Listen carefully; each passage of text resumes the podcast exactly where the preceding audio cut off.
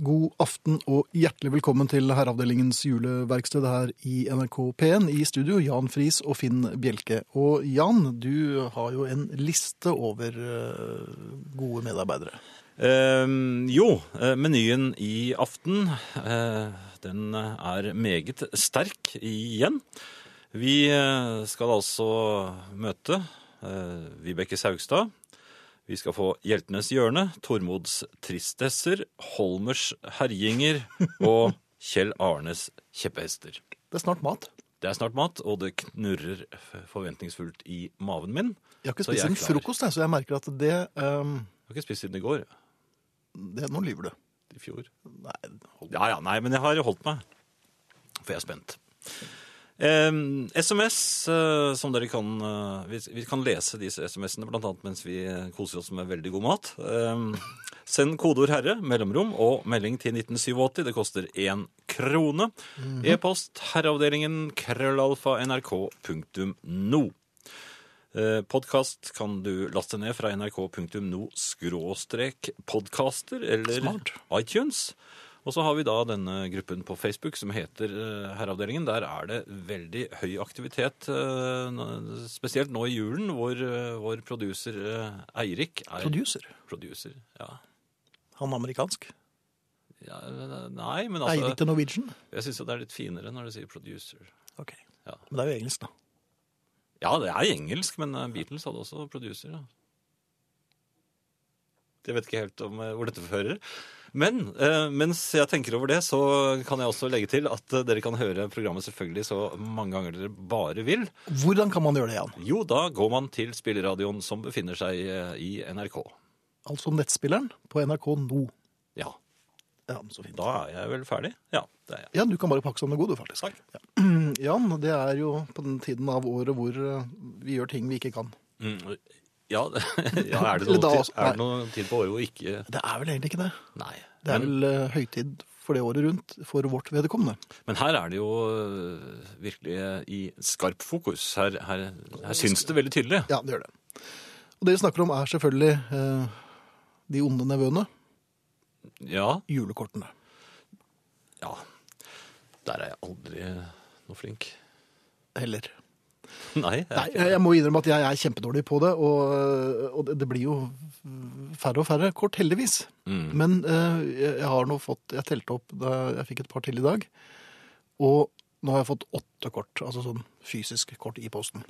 Det er vel noe sånt jeg også har fått. Ja, Jeg setter dem frem, da, sånn at de pynter opp ja jeg, jeg gjør også det med et fåfengt forsøk på å se Nei, se, nå blir det stemning, gitt. Men, det er jo veldig hyggelig å få. Altså, Ja. For all del. Jeg syns det er kjempefint, og tusen takk og, og, og slikt. Men, vi, jeg Vi bidrar ikke til pyntingen andre stuer. Nei, vi gjør ikke det. Nei. Um, så poenget mitt er at jeg ser disse åtte julekortene, og hver gang jeg går forbi dem, så er det akkurat som å få åtte ørefiker. ikke sant? Ja, men de står fremme. De står fremme. For du er en selvpinner. Jeg, jeg er jo en flaggellant. Ja. Um, og jeg uh, går altså inn i julen nå. ja, ja litt. Ikke bare skal, jeg- skal jeg se på TV julaften, men jeg går inn i julen med dårlig samvittighet. ja. Hva, hvordan... Så jeg, jeg lurer på om vi skal starte en folkeaksjon mot julekort. Ja, det kan vi godt gjøre, fordi eh, jeg taper ikke noe på det. Nei, jeg vet at dine folkeaksjoner er stort sett tuftet på at du ikke skal tape noe på det. Eh, Men jeg tenker at det er jo nok å, å, å slite med i julen om man ikke skal ha dårlig samvittighet for at man ikke har eh, sendt julekort også. Det er fribrent, syns jeg. Ja, kan man fribrenne seg for julekort? Ja. Ja, ok. Men det jeg tenkte vi kunne gjøre i dag, Jan, er å opprette Herreavdelingens julekorttjeneste. Vi kan lese opp noen av de kortene dere ikke har fått sendt. Så hvis dere vil eh, kontakte oss, så er det bare å bruke e-post eller SMS-adressene. Så Kodeord herre, mellomrom og meldingen til 1987 eller herreavdelingen krøllalfa nrk.no. Ja. Så skal vi hjelpe med å spre det, og sjansen er stor hvis eh, dere ikke rakk å sende kort, at noen av de dere skulle sendt kortene til, vil høre dette på Herreavdelingen. Vi skal ikke lese noen av våre, da. Vi får se. God aften, Kjell Arne Jonsæter. God aften. Kjella, dette er din siste kveld. Ikke unaturlig, siden dette er vårt siste program. Um, I dag er det i hvert fall ikke ribbe. Nei. Det er fisk, tror jeg. Eh, det er det. Det er helt riktig. Jeg mener jo virkelig at man bør ha seg en ordentlig fiskemiddag eller en, noe fisk i løpet av, av jula. Du ser hvor skeptisk jeg ser ut. Ja, du har til og med gått et par skritt tilbake og betrakter fisken litt på avstand her, ser jeg. Ja, jeg, vil ha, jeg lurer på hva som lå oppå der. Det er er nydelig sprøstekt bacon. Se det, ja. Det, Ja. det hjelper jo. Ja, og så er det jo en hjemmelaget remulade under der igjen. Og Ja. så under der igjen så kommer det en fantastisk posjert kveite. Det vil si at en kveite som er kokt, eller den er trukket i en eh, lake som vi lager. Hva, hva, hva gjør man når man posjerer? Er det det den gjør? At du Ja. trekker den i en Ja, men Det trenger ikke være en lake, men altså, som regel så bruker man en lake med, med litt uh, hel pepper, litt uh, løk, laurbærblad, salt, og så kan man ta en gulrot oppi. Så koker man opp det. Og så, uh, for at du skal trekke smak ut av krydderne og grønnsakene. Og sånn som jeg har gjort her, så har jeg tatt flotte kveitestykker og lagt oppi en, eh, en langpanne. Og så heller jeg da kokende varm Kok, ja. kraft over den rå fisken. Og da med skinn, skinnet på, men heller helt benfri. Så lar jeg den ligge og trekke et kvarter. Og Da kan man enten spise den varm der og da, eller så kan man la den ligge i den laken. Så kan man spise den dagen etter, eller når man vil. Men sånn kveite som dette, som jeg kaller for øvrig utrolig godt, det kan man jo med hell bruke som pålegg. Ja, absolutt. Mm. Og man kan spise en del av det til middag, og så kan man la resten ligge i laken og spise den dagen etter til lunsj. Og denne kveiten, mine damer og herrer, er altså så god. Ja, nå skal jeg begynne å på min. Og jeg har lagt den på Dette her er en litt sånn fingermatvariant. Jeg har lagt den på et uh, eh, hjertesalatblad. Uh, og så har vi lagd en hjemmelaget remulade med litt uh, oliven og sylteagurk og kapers, kruspersille, sitronsaft, salt og pepper. Og så er litt sprøstekt bacon oppå. Så man kan ta faktisk hele, hele salatbladet og spise det med fingrene. Det kan man også gjøre. Ja. Men, Det er veldig godt. men Kielland, hvorfor er det veldig ofte bacon på fisk? Er ikke fisk bra nok? Jo, men det gir en liten uh, dimensjon. Det er Litt sånn salt og sprøtt og ja. Det er like mye Uh, teksturen i baconet som gjør at Teksturen man og smak. Altså at det er, uh, man tilfører, det er litt røkt, det er litt salt, det er sprøstekt. Baconfettet som renner litt over fisken, kan være veldig deilig. Så jeg syns det fungerer til hvite fisketyper. Hvite, magre, fiske, forholdsvis magre fisk, så fungerer det med litt bacon på. Dette er veldig godt. Har de ikke bacon til lutefisk også? Jo. Bacon og Det er hvit fisk, ja. Det er hvit fisk, ja. Og nå gleder vi oss her. eh, Hva er det du har laget nå? Jeg har lagd en kremkaramell. Mm. Det er jo eh, på fagspråket noe, På norsk da heter det karamellpudding. Men en Ja. variant av den, da. Jeg har lagd Ja, en porsjons, mye- porsjonsvariant Mye rart her som ikke er vant til å se. i en lysestake. ikke minst. Ja. Og på mitt ja. For det er rett og slett en telyses... Det er det, altså. Ja. Faktisk. Den kan brukes til eh, flott form til å bake karamellpuddinger. Så eh, vi tar uh, Istedenfor å bruke en sånn brødform som man ofte bruker, da, så kan man bare smelte karamellen, legge i bunnen av den telysestaken og helle Man visper sammen egg, sukker og fløte, halvparten fløte og halvparten melk. Det er selve puddingen. Ja, Ja. den, Når den er helt flytende, så heller man den over uh, karamellen, som man heller i bunn. Så baker man den på uh, 100 grader til den stivner. Til den stivner. Ja. Da stikker man et eller annet i den. Da, Ja, så så kjenner du at den, er, eh, at den har uh, stivnet. Ja. Og det er jo en klassisk eh, karamellpudding. Jeg syns det er veldig viktig å poengtere at man trenger ikke å ha så veldig mye eh, kremfløte i. Bare halvparten fløte og halvparten melk. Så blir, synes jeg det blir for kraftig og for fett. Og den karamellsausen som man uh, ofte har på Ja, den uh, her har jeg tatt isteden, så har jeg lagd en appelsinsalat. Ja. Med mynte og kanel. Og Kanel litt rosiner. Ja. Men Det det, er ser spennende ut. Istedenfor den uh, tunge karamellsausen, så har jeg lagt uh, appelsin oppå, oppå og, litt, uh, og så tar jeg litt salte mandler. Og så rasper jeg over. Raspe, raspe. Rasper det over kremen. Litt salt mandel over. Så får man enda en liten smaksnyanse som er ganske morsom.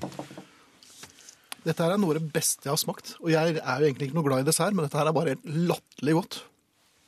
Vi legger ut eh, menyen på eh, Facebook-siden.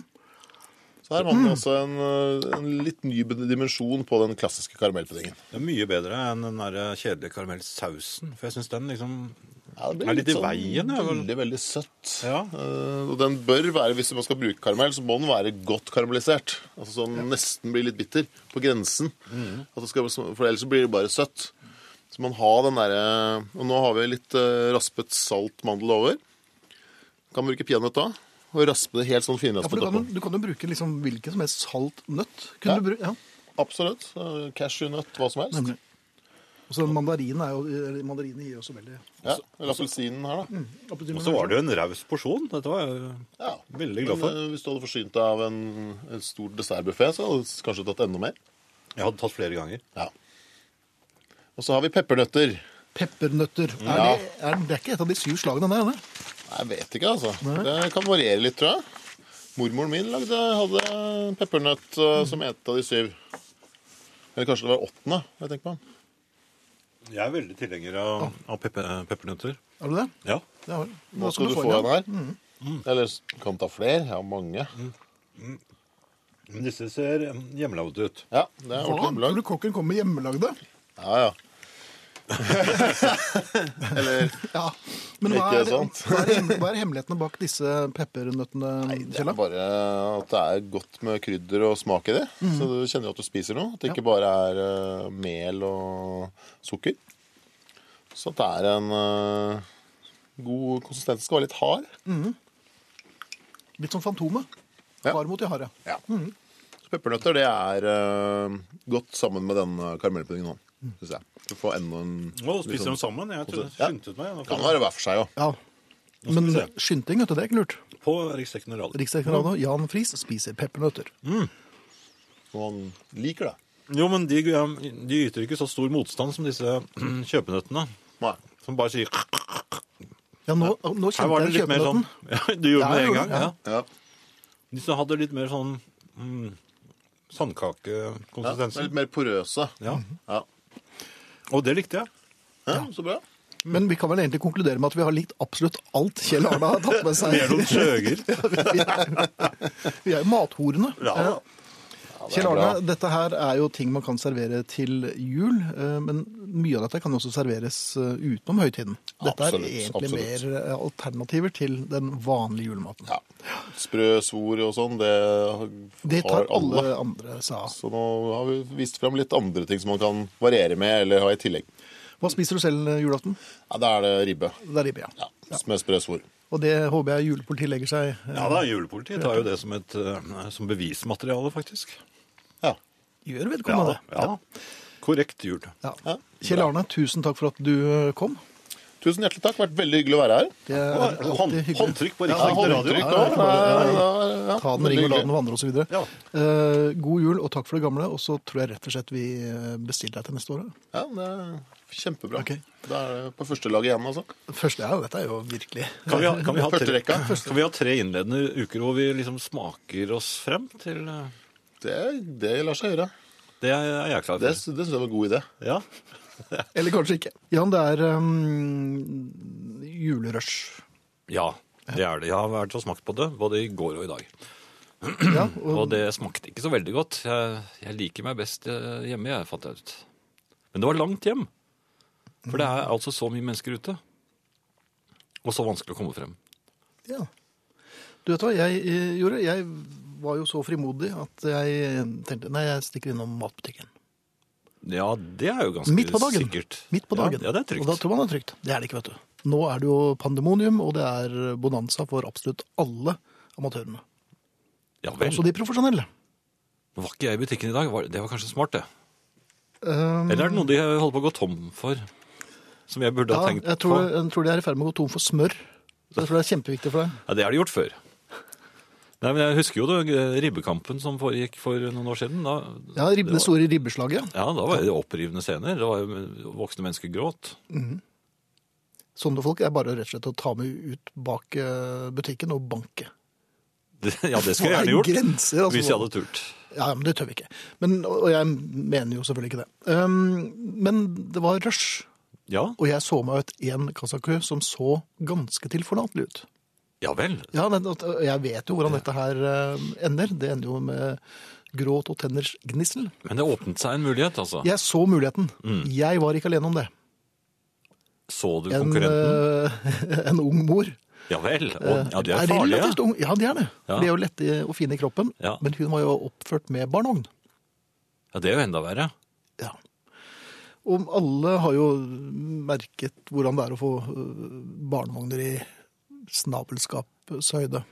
Jeg vet ikke om alle har eh, opplevd det. En del herrer eh, Jeg har fått eh, oppleve det, ja. Med, Ja. med tilhørende klapsing fra pjokken. Hvordan foregikk det? Altså, Truffet av barnevogn, og, Ja. s- og der sitter det en eh, begeistret pjokk og gir meg en uppercut i eh, mens du sto foroverbøyd fordi at Ja. snabelskapet var så vidt uh, herpet at uh, Ja, da fulgte vedkommende opp, eller barnet, da, opp med en Ved å stikke fingrene i øyet på deg. Ja. Nei, den, den ble ikke det her. Derimot så, så hun at jeg var på vei bort i den køen hvor hun var på vei. Ah. Og hun tenkte her er gode råd dyre, jeg har dårlig tid. Mm. Um, og så Vet du hva hun gjorde? Nei. Hun bare sendte barnevognen foran seg. Nei! Jo, Altså, hun slapp eh, vognen. ja, ja, og- dyttet vognen. Hun, Hva gir du meg? nei, det, det, Nei, og Den plasserte seg jo rett foran meg, og jeg tenkte at sn- snabelskap, hallo, forsiktig nå. Så jeg, må, jeg bråbremset jo.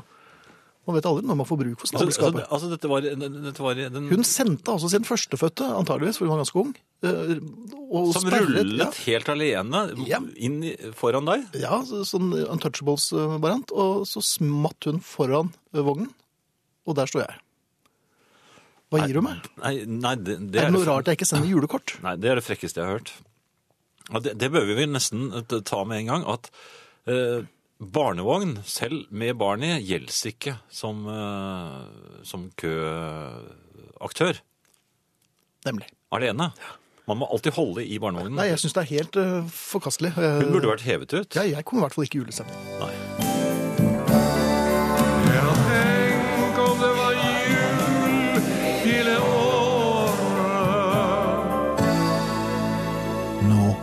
Ikke lenge igjen til den dagen det bare er én av i året. 24. desember. Den ene datoen i årskalenderen alle stjerner blinker, alle sølvgutter øver for, alle gulv vaskes før, alle tanter strikker til, alle svin dør for. Den ene dagen alle hjerter gleder seg, alle engler daler ned, alle øyne tindrer, alle fedre får nye sokker, alle stille grender lyser. Dagen alle barn lengter etter, og noen voksne også. Julaften! Etter alle strabasene, forberedelsene, kostnadene, vaskingen, ryddingen, pussingen og pyntingen, handlekjøpershoppingen, matlagingen, kommer til slutt selve øyeblikket, julaften klokka 17, mens alle kirker utenfor og på radioen ringer og dingler julehelgen inn, og alle mennesker, i alle fall de som går på kristenmannsblod, skrider til julebordet det lekkert dekkede og setter seg fulle av andaktsstemning ned beundrende de røde lys, de to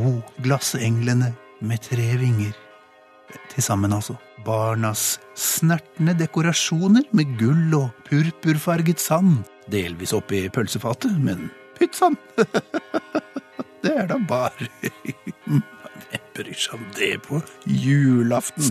Det bobler i rødbrus og popper i vinkorker. Og så setter man i gang å ete julemiddagen.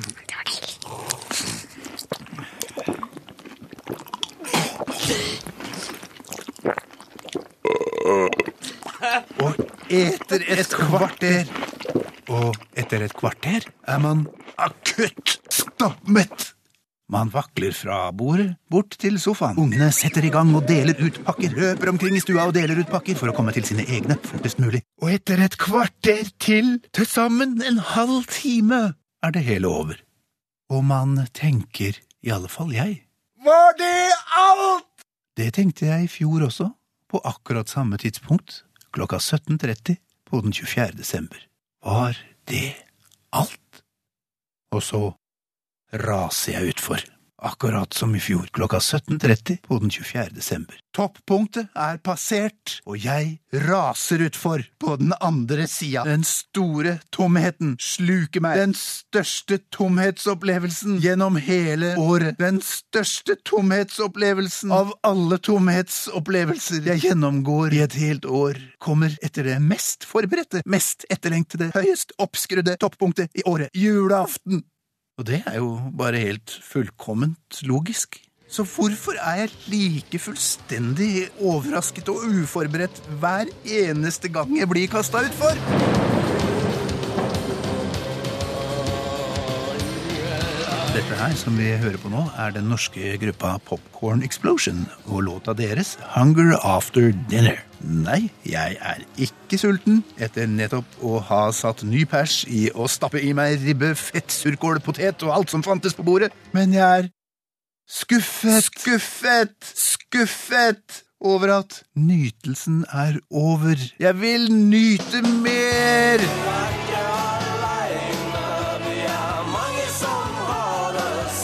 Tusen, tusen takk skal du ha, Jokke. Takk for det. Det er det jo alltid en viss trøst i. Men egentlig er det jo bare enda tristere at det er mange, ikke bare meg, som har det sånn. Og at sånn har det til og med vært i tusener av år. Denne grusomme Nå faller jeg ned i avgrunnen! Følelsen er registrert i skriftlige kilder helt tilbake til Jesu egen tid. Og før det igjen også. Romerne sa det slik. Post coitum omne animal triste est. Post coitum omne animal triste est. Etter samleie er ethvert levende vesen bedrøvet.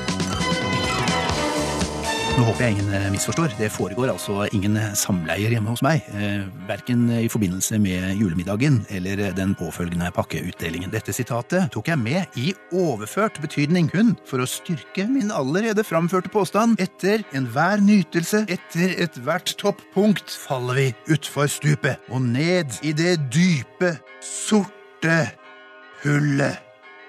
I år skal jeg i hvert fall prøve å huske på å hive noen eh, marsipangriser, skumnisser, julestrømpa mi og et pledd kanskje nedi det sorte hullet. Så jeg lander bløtt og har noe å gnage på til eh, lyset når ned til meg igjen rundt vårjevndøgn. Jeg ønsker alle god jul fram til 24.12. klokka 17.30.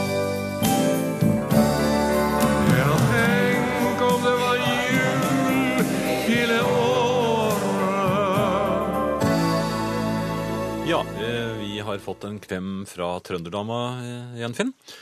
Håper dere får servert litt sprit i kveld også, for jeg skulle så gjerne ha fått julepolitiets tillatelse til noen flere røverstreker nå før jul. Røverstreker skal bli, i hvert fall i morgen. Eh, Her kommer eh, øyeblikkelig Tormods tristesser. Hjemme hos oss er det jeg som har fått i oppdrag å skrive familiens julekort. Antagelig fordi jeg har et såkalt kreativt yrke. Et kreativt yrke er når du ikke kan sette sammen to gjenstander, hjelpe medmennesker eller forklare svigerforeldrene dine hva du driver med. Det er i grunnen litt merkelig at denne julekortskrivingen har tilfalt meg. Jeg sender nemlig pliktskyldigst et halvt dusin kort, mens min kone sender 128. Dette er det nøyaktige antallet, for tidligere i kveld fant jeg nemlig julekortlisten hennes liggende på skrivebordet. 128 navn og adresser. Hvem er egentlig alle disse menneskene? Noen kjenner jeg selvsagt, og oppføringer som tante Ingebjørg eller onkel Fjosgrim er selvforklarende. Men hvem er alle de andre? At så mange av folkene er totalt ukjente for meg, reiser en del interessante problemstillinger. Jeg er jo ikke den som går av veien for et vovet ordspill, verken i festlig lag eller julekort. Men hva hvis noen av fruens julekortvenner er Jehovas vitner, prostinner, eller sågar karmelitternonner som lever i tukt og refselse? Da tar det seg dårlig ut med en beåndet limerick om nissen og hjelperne hans, der julestri rimer på sodomi. Det står også en del mannsnavn på min kones liste, som verken er ledsaget av etternavn eller betegnelsen onkel. Jeg antar at noen av disse er toyboys, som hun har utnyttet på det groveste i sin grønne ungdom. Og hvordan skriver man egentlig personlige hilsener til sin kones X-Files? Hvis jeg gir en sannferdig fremstilling av familielivet vårt, så vil jeg jo tro at jeg er verdens kjedeligste fyr. Jeg kan rimeligvis ikke dikte opp paragliding i Nepal, rafting i Colorado og slangegiftmelking i Australia heller. Vel er min kone med god grunn uinteressert i det meste jeg driver med, men hun vet trolig at jeg ikke har gjort noe av dette.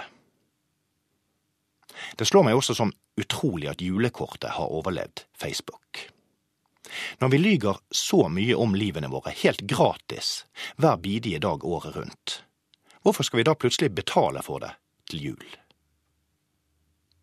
Min kone har også en egen kolonne i julekortlisten sin, for hvem som sender henne kort. Hvis du ikke har verdiget henne et frimerke og noen ord de siste par årene, så risikerer du å ryke ut av det gode selskap. Min måte å takle denne problemstillingen på slår meg som mye mer proaktiv. Jeg er den som ikke har verdiget mine venner verken frimerke eller hilsen i årevis. Og således har jeg falt ut av radaren til bortimot alle. Jeg tror min mor og tannlegen min er de eneste som fremdeles skriver. Etter at fruen hadde mast de siste seks ukene, skrev jeg endelig familiens julekort i går. Dette synes jeg imidlertid er mer enn tidlig nok. Det heter tross alt julekort, ikke adventskort. Og hvis noen av min kones venninner i karmelitterorden hører på Herreavdelingens juleverksted, så vil jeg bare beklage for innholdet på forhånd. Og jeg trodde det kanskje var litt julekort til meg. Nei da, men jeg vet jo at du klarer deg fint. Eh, Jeg har vel ikke noen Hva? Ja, det Var det litt forkjølet, eller var det er veldig forkjølet. så dugget det ble på brillene? Se- Ser du meg nå? Er det deg, mor? Nei da. Nei. Jeg te- jeg tenkte ikke på deg der, Finn. Jeg tror du klarer deg Jeg veldig tror det- fint. Det er jeg helt sikker på. Ja. Um, Jeg har det på altså- følelsen. Ja, det er jeg, altså. Um, hva skjedde?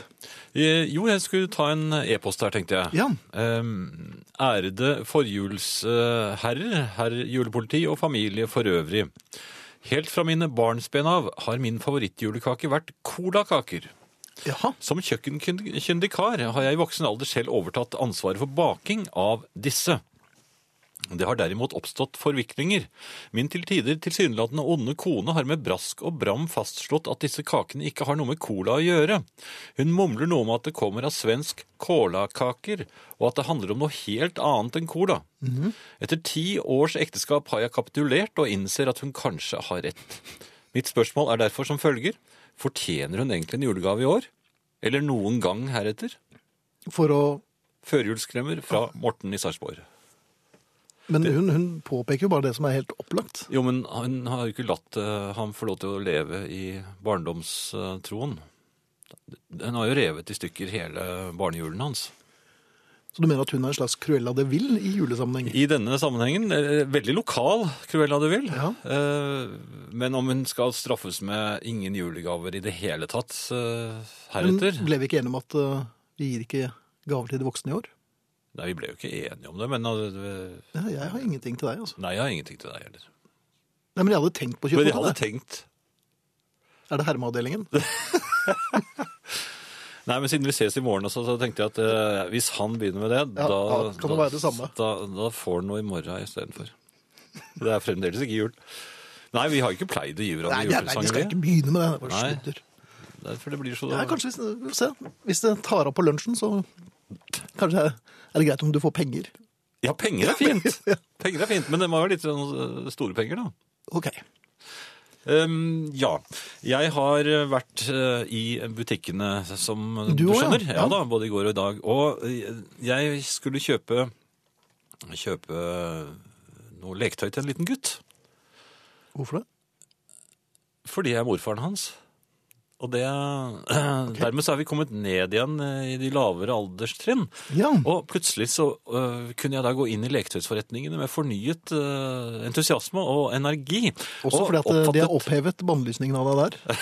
ja, men jeg, jeg fant en ny en nå, som jeg ikke har vært før. Ok. Uh, Og det bugnet. Var det bugning? Ja, og jeg kom inn i den helt riktige avdelingen, der hvor, hvor biler og slikt øh, står, som jo passer utmerket til en liten pjokk. Der er det skjedd en del i løpet av de siste årene, Finn. Fordi at øh, jeg husker, det er ikke mer enn 10-15 år siden, så, så var det ganske skrøpelig utvalg i, i disse avdelingene. Selv om jeg hadde døtre, så var jeg innom som snarest. Ja. Eh, For nå var det altså ting der De var store, vet du. Store biler. Ikke sånne enke, forenklede varianter av busser og lastebiler, men altså helt tro kopi. Så jeg ble jo helt eh, Var det fjetring også? Det var fjetring. Jaha. Og jeg lurte på hva de kunne klare. Ikke tindring.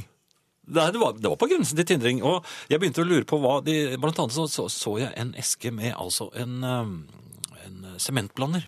Sånn sementbil, vet du. Så var den trommelen går rundt og rundt og sånn. Og jeg lurte på om den... Så må man nesten blir litt svimmel.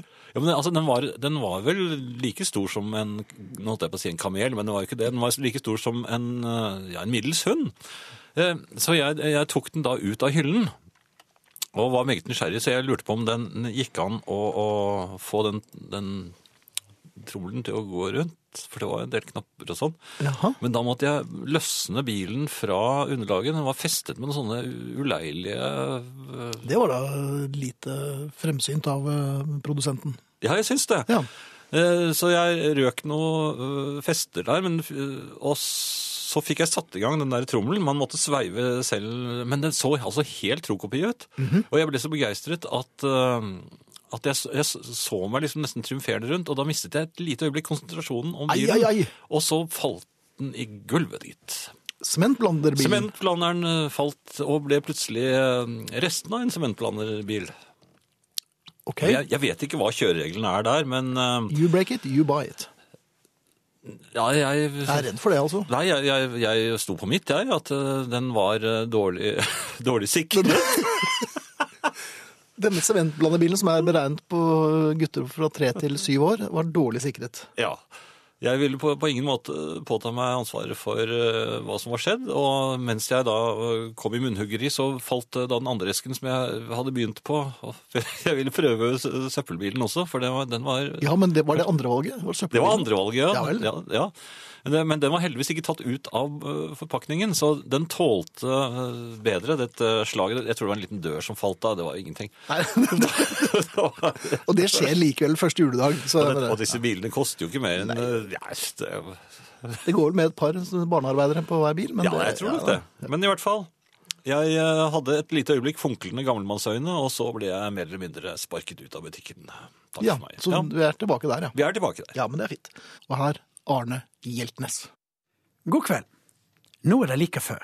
Nå skal det snart settes tallerkener på bordet, ribbesvoren skal boble riktig i ovnen, og lukta av pinnekjøtt skal sive gjennom julepynta rom med små og store nisser som gleder seg til jul. Det er tid for selskap.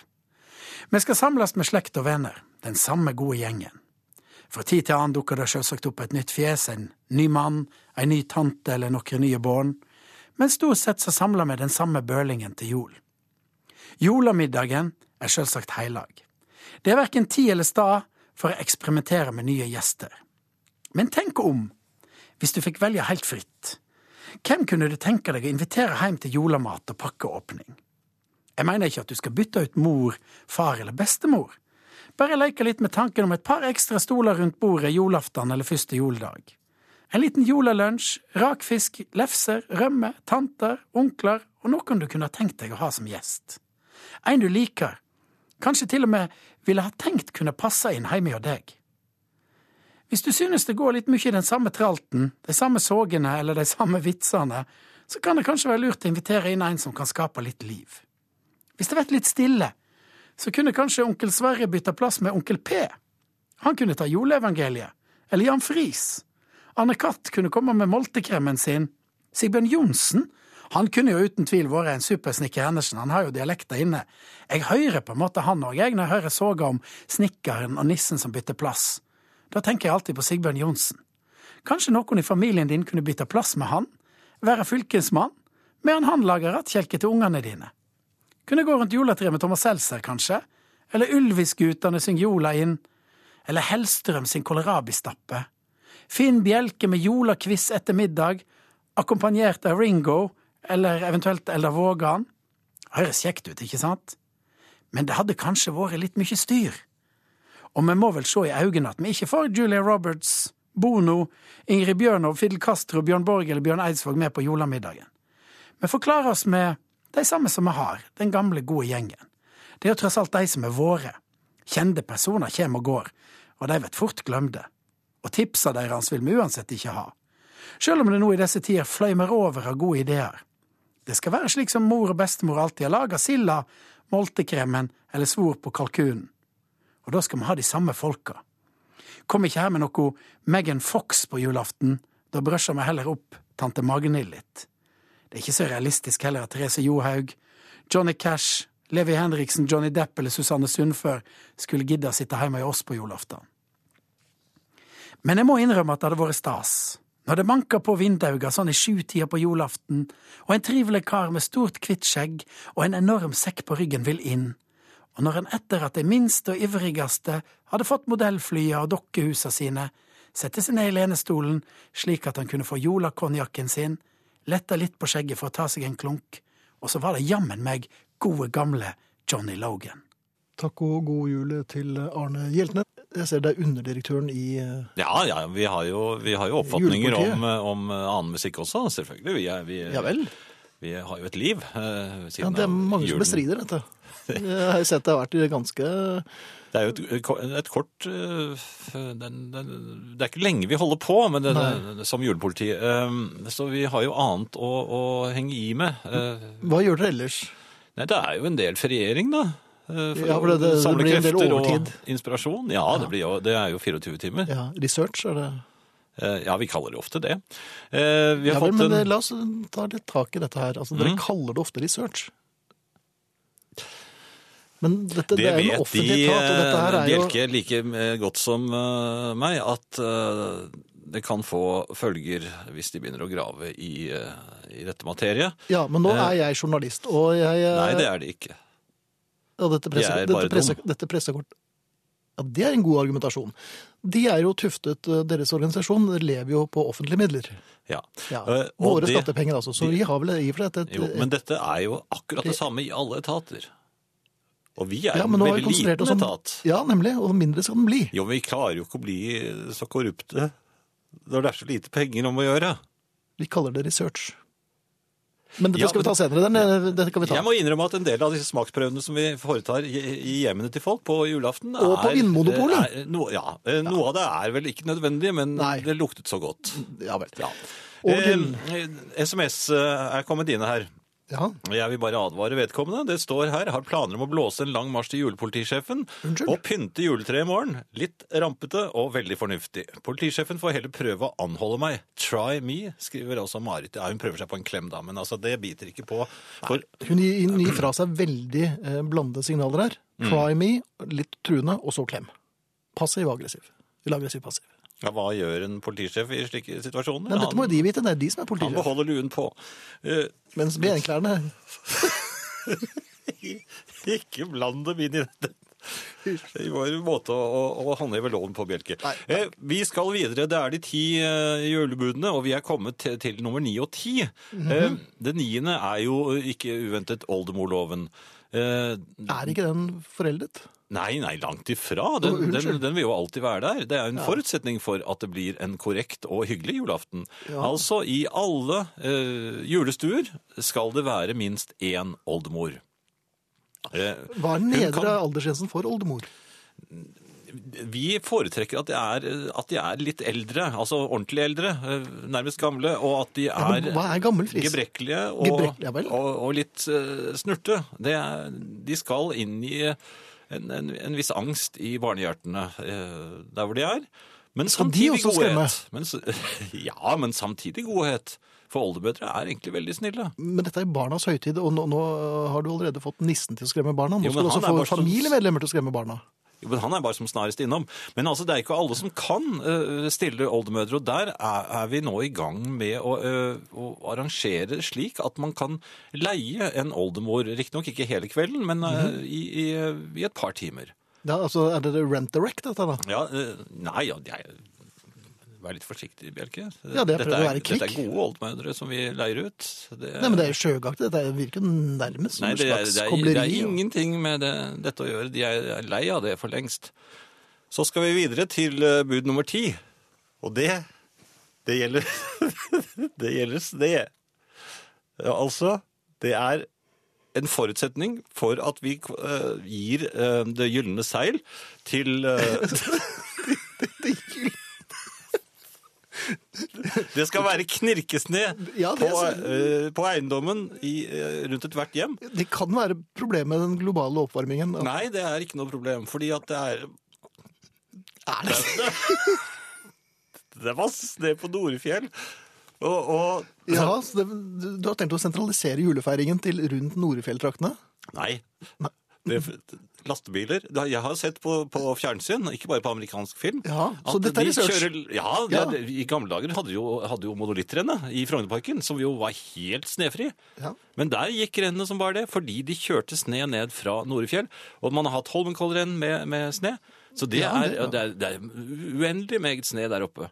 Og det fins mange slike fjell rundt i Norge med, hvor, det er, hvor det er sne. Så, så, men forutsetningen er Karbonavtrykket etter alle disse lastebilene. Nei, men det er altfor mye snø. Det er bare å hente den ned. Uh, man, kan, bru- man kan bruke uh, miljøvennlige miljøvennlige lastebiler. ja, hvordan ser Ja, det er de moderne. Ja vel. Ja. Det er de moderne. Uh, og til slutt, uh, før vi slipper dette, og før jeg går ut på patrulje, de venter på meg utenfor her Ja, det, er flere, det er flere som venter på dem utenfor der. Jeg tenkte de på den hvite bilen. Ja da, det er ja. Nei, det, det, eh, jo, det gjelder eh, tøy. Man skal pynte seg. Det er, det er jo det ellevte eller det hovedbudet. Pynte seg på julaften. Eh, Barna bør da helst eh, pynte seg med, eh, eller pyntes med tøy de sjelden bruker, og som de kanskje vokste fra i fjor. For det, det, det, det- Nei, det skal være slik at sømmene skal gnage, og det, det, tvers over sløyfen skal være litt trang. Og gjeninnfør gjerne bukseselen som går opp hele tiden. Den høyre, pleier, pleier, Det er husker jeg. Ja. Gikk ofte opp. Gjenstridige. Ja. Eh, For dette er med på å, å, å, å, brennmerke seg i erindringene til, til eh, de små, og gir eh, julen innhold. Men hvis sløyfen er veldig stram, så tror jeg nok at, at, at brennmerket vil sitte en stund. Ja, det er, de får så rare stemmer når de synger. Ja, for de må jo synge. Ja. Eh, nei, men Det var i grunnen det vi hadde å by på Ja, i julepolitiet. Vi, det, er, det er travle tider. Vi må ut og Ja. Vi skal også sjekke Bjelkebo. Det, Det kan vi godt gjøre. ja, det er, det, det er ikke noe trær fremme der. Der er det ingenting fremme. Nei, men det er fint. Da får de Det kommer ikke noe trær heller. Nei, men de får det gylne seil. Ja vel. Eh, er flire så er ditt snart av stolen. Dere er herlig. God jul. Klem fra oldemor Tone her. Ja, så fint. Klem tilbake, Tone. Og så står det her også at oldemor kan være 42. Loretta Lynn ble bestemor da hun var 28, skriver Sigurd. Ja, og Jerry Lee Lewis var gift med sin kusine, så alt går jo an. Ja, ja, det alt går an. Kjære ærer, for elleve år siden håpet jeg å føde til deres herlige juleverkstedsendinger. Slik ble det ikke. Guttungen kom ut klokken 23 i beste sendetid, men akk på en lørdag da verkstedet er stengt. Så her sitter vi elleve år efter og forbereder fødselsdagen mens andre har juleverksted. Kan dere huske å gi en liten advarsel i mars om at bursdager rett før jul kan være litt travelt? Vil med dette ønske alle en riktig god jul og sende en hilsen til alle desemberbarn og deres foresatte. Men herlig er det nå da, disse desemberbarna. Juleverksted eller bursdagsforberedelser, alt går som en lek når man kan høre på dere. Hilsen Hege i Horten. God jul til eh, deg, Hege, og ikke minst dine, og til juleverkstedgutten. Eh, Så har vi her eh, For tiende år på rad feirer jeg jul uten verken selskap, eh, julklappar Det er en svensk eh, dame, dette, som skriver. Eh, Herreavdelingens juleverksted er og har da vært et flott og fullgodt substitutt for begge deler. Takk for at dere fins, og god jul 2014, dere og hele familien. Trofast lytter siden Takstmannens sko i september 2000. Eh, Finn Sneball Ja, og, og Snemann og sånn. Er, er det lenge siden ja, Det er vel ikke så mye sne oppå balkongen din at uh... jo, det har vært eh, sne et par dager der. Så Det har det, ja, lagde jeg en, en liten en, men det ble mer sånn golfball-lignende sak, altså. som, Ja, hva gjorde du med den? Ingenting. Hva- Jeg kastet, jeg kastet den på juletreet i gården. gjorde du det? Ja, jeg bommet. Var det mørkt? Det var det jeg skulle- skulle se om jeg hadde klart å treffe. Ja. Men det er samme det. Ja, nei, eh, jeg ble vel for så vidt inspirert på akkurat samme måte som eh, du ble, da. Fordi eh, jeg kom ut og så at det hadde lavet ned. Eh, Det hadde gitt seg. Så det var, det var en sånn prospektkort prospektkort Mm vinterformiddag. Og så lager jeg en Jeg gjør det, jeg lager en sneball. Du lager snøball. Ja. Ja. Og jeg, jeg mente å huske at jeg var ganske god på snøball. Jeg vet ikke om da dere var gutter, mm. kastet dere på telefonstolper, og så var det om å gjøre Ja. treffe høyest. Måtte avsette merke. Det var jo egentlig om å treffe Rolf. Ja, vi tok jo Einar, da, men Ja. eh, Ja, er er han Nei, det er, lenge siden den nå. ja. Nei, eh, altså, det var om å gjøre Det var om å gjøre å treffe høyest. Ok. Ja, eh, så jeg ville da Jeg syns jeg kjente Jeg var liksom god løs i kroppen. Og, Ja. og Er det bra å være løs i kroppen? Nei, men altså i muskulaturen, da. Sånn, eh, ja, ok. ja, ja, så, Hadde du varmet opp på forhånd? jeg, jeg følte, følte at jeg var klar for et godt kast. Uh, og, så jeg siktet um, og kastet Mm -hmm. uh, relativt hardt. Ja, det er jo Ja, viktig. Men skulderen min, eh, jeg hadde glemt at den er litt vond. Så jeg, jeg skylder noe på den, da, men i hvert fall så gikk ikke sneballen riktig slik som den skulle, så jeg bommet jo på både stolpen og det meste. Mhm. Og så hørte jeg sånn skrensende bildekk og noen som tutet, og Hva da gjorde du da? jeg gjemte meg bak naboens garasje. Du gjorde det. Der sto, der sto jeg i Men, var det. men det var det eneste som lignet på det du gjorde i gamle dager òg? Jeg gjorde alltid det. En e-post her, Finn. Ja. God aften. Jeg har tidligere lansert min egen teori om at lykken kommer i klumper. I denne uken før jul kommer de små lykkeklumpene i hverdagen tett, i lett, et lett snøfall. I en munter kassadame som ønsker god jul, i en smilende sjåfør som vinker deg foran i den endeløse køen på hjemvei, ikke minst i det å sette på radioen klokken ti og lene seg tilbake og bare nyte en to timers lykkeklump. Tusen takk skal dere ha. Stor juleklem fra Kari i Sarpsborg. Så fint. Og da benytter vi anledningen Jan, til å takke alle som har bidratt eh, fra familiesiden. Alle SMS-er, alle e-poster, alle tøys og tull på Facebook. Eh, hadde det ikke vært for dere, osv. Ja, ja, det Og vi er veldig Det er Jeg merker at det er i ferd med å bli litt klamt her nå, men vi er veldig, veldig glad for at dere hører på. Knut, Tusen takk. Knut har sprettet akevitten. Bra, Knut. Han pakker inn julegaver, og livet er herlig, skriver han. Så, Det er jo det. Ja. Ehm, tusen takk for en hyggelig adventsuke med dere. Kos meg. Finn, la ansiktet falle på julaften og slapp av. God tur til Jan, sier Marit på Gressvik. Og Eivind Hellstrøm han tar til orde for hvitløk i stekeskyen til ribben. Er dette lovlig, spør han. Eh, nei, det- spør Anders. ja, ja. Eh, eh, hva mener vi? Jeg er for hvitløk, jeg. Du er for Det er sunt.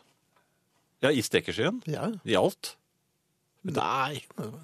Ikke whisky. En gang så var jeg så, øh, visste jeg så lite om øh, hvitløk at, øh, at jeg øh, traff en jente en gang som hadde spist hvitløk, men jeg Ja. visste ikke hva det var.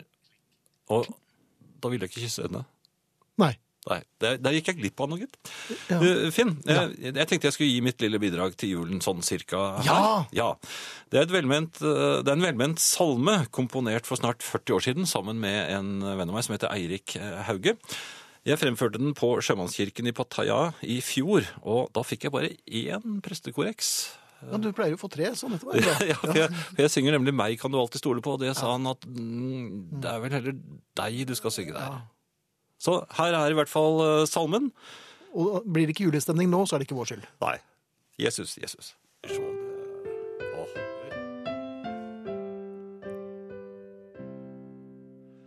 Jesus, Jesus, vis meg livets vei. Hjelp meg, hjelp meg til å finne deg. Om nu din vei blir tung å gå, meg kan du alltid stole på. Frelse, frelse søker jeg hver dag. Hjelp meg, hjelp meg vekk fra hat og nag. Tung er den vei som oss livet gir. Nåden den drysser fra himmelens spir. Ja, det var eh, Jesus, Jesus. eh, Ja, Det blir jo ikke mer sakralt enn det. Nei.